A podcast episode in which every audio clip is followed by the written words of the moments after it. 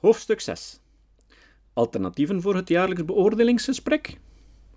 Op grond van de argumenten die ik heb uiteengezet in Rond Leiderschap, deel 4 over motivatie, en in de Hagerballon, sta ik nog altijd pal achter mijn stelling dat iedereen jaarlijks evalueren zinloos is.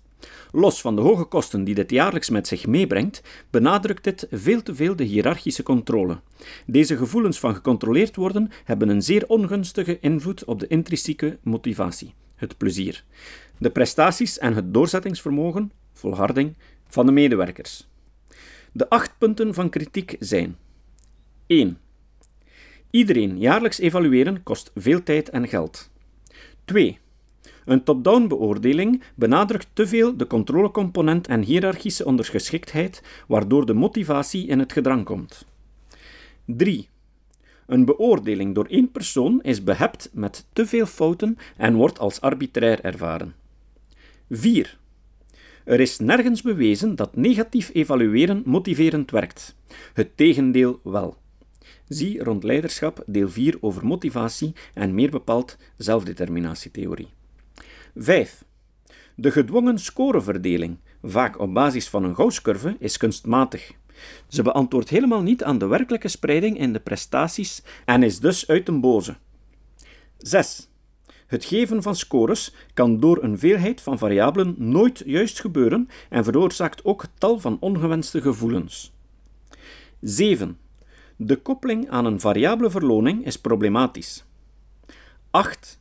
Het is niet echt nodig om evaluaties bij te houden voor een eventueel juridisch dispuut. Het dossier werkt voor de rechter even vaak in het nadeel van de werkgever en voor je het weet zit je vast aan een overdaad aan procedures en verzeil je in een procedurestrijd met de vakbonden. Omdat ik extra argumenten heb voor het feit dat negatief evalueren niet motiverend is, gaan we nog een aantal zaken toevoegen aan mijn eerste boek. Daarvoor richten we ons eerst op de zogenaamde self-enhancement theorie van Schrauger 1975 of zelfvermeerderingstheorie. Zelfvermeerdering of zelfwaardering is de neiging om onszelf te overschatten door een iets gunstiger beeld van onszelf te hebben dan objectief te rechtvaardigen valt. We hebben de neiging om onze zelfwaardering hoog te houden en soms is dit een ongunstig mechanisme. Het kan bijvoorbeeld narcisme aanwakkeren. Soms een gunstig mechanisme. Bijvoorbeeld vermindert een positief zelfbeeld de risico's op depressie en zorgt het ervoor dat mensen tevreden zijn en uitdaging durven aangaan. Taylor en Brown, 1988, stelden vast dat mensen op vele vlakken aan zelfvermeerdering doen. Zo overschatten we bijvoorbeeld ook onze eigen bijdrage in groepswerk. John N. Robbins, 1994. De theorie doet de nogal voor de hand liggende voorspelling dat prestatiebeoordelingen met formele scores beter geaccepteerd worden door diegenen die een positieve beoordeling krijgen. Mensen die een positieve score krijgen, ervaren dat de beoordelingen accurater zijn. Alperin et al. 1976, Stone en Stone 1985. Mensen die een positieve beoordeling kregen, zijn ook meer tevreden met de beoordeling. Brett en Atwater 2001, Dipboy en De Pont-Briand 1981, Ilgen en Hamstra 1972, Moran en Stockton 1980, Potsakov en Farr 1989. Verbazingwekkend niet?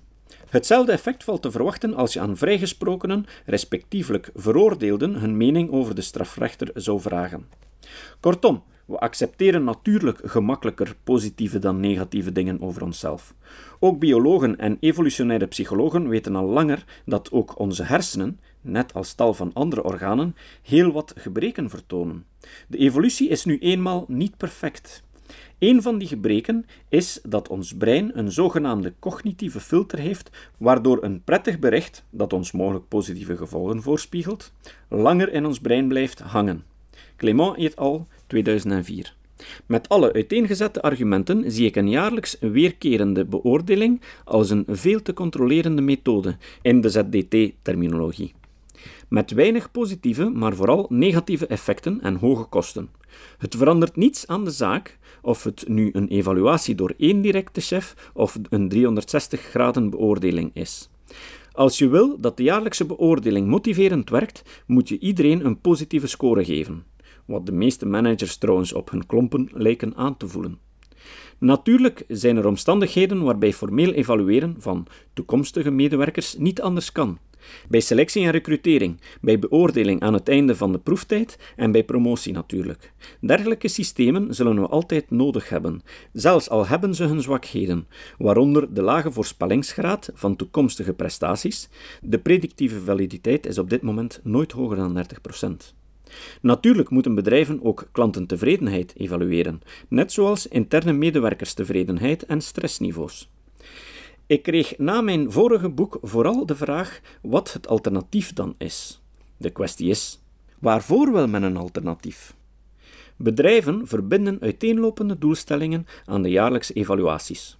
Het is een illusie om te verwachten dat prestatiebeoordelingen al deze diverse doelstellingen kunnen realiseren. Hierna volgt een overzicht in tabelvorm. Voetnoot. Het idee hiervoor kreeg ik bij het lezen van het boek Beoordelen. Functioneert dat? Omdat de auteurs Tom Koens en Mary Jenkins niet zo vaak refereerden naar wetenschappelijke onderbouwing, deed ik dit werk opnieuw, nu vanuit Belgisch-Nederlandse invalshoek. Einde voetnoot. Het onderzoek voor de aangehaalde stelling vindt zich verspreid in de diverse delen van dit boek en vooral het boek rond leiderschap, en wordt hier niet herhaald. Nieuwe referenties worden aangegeven.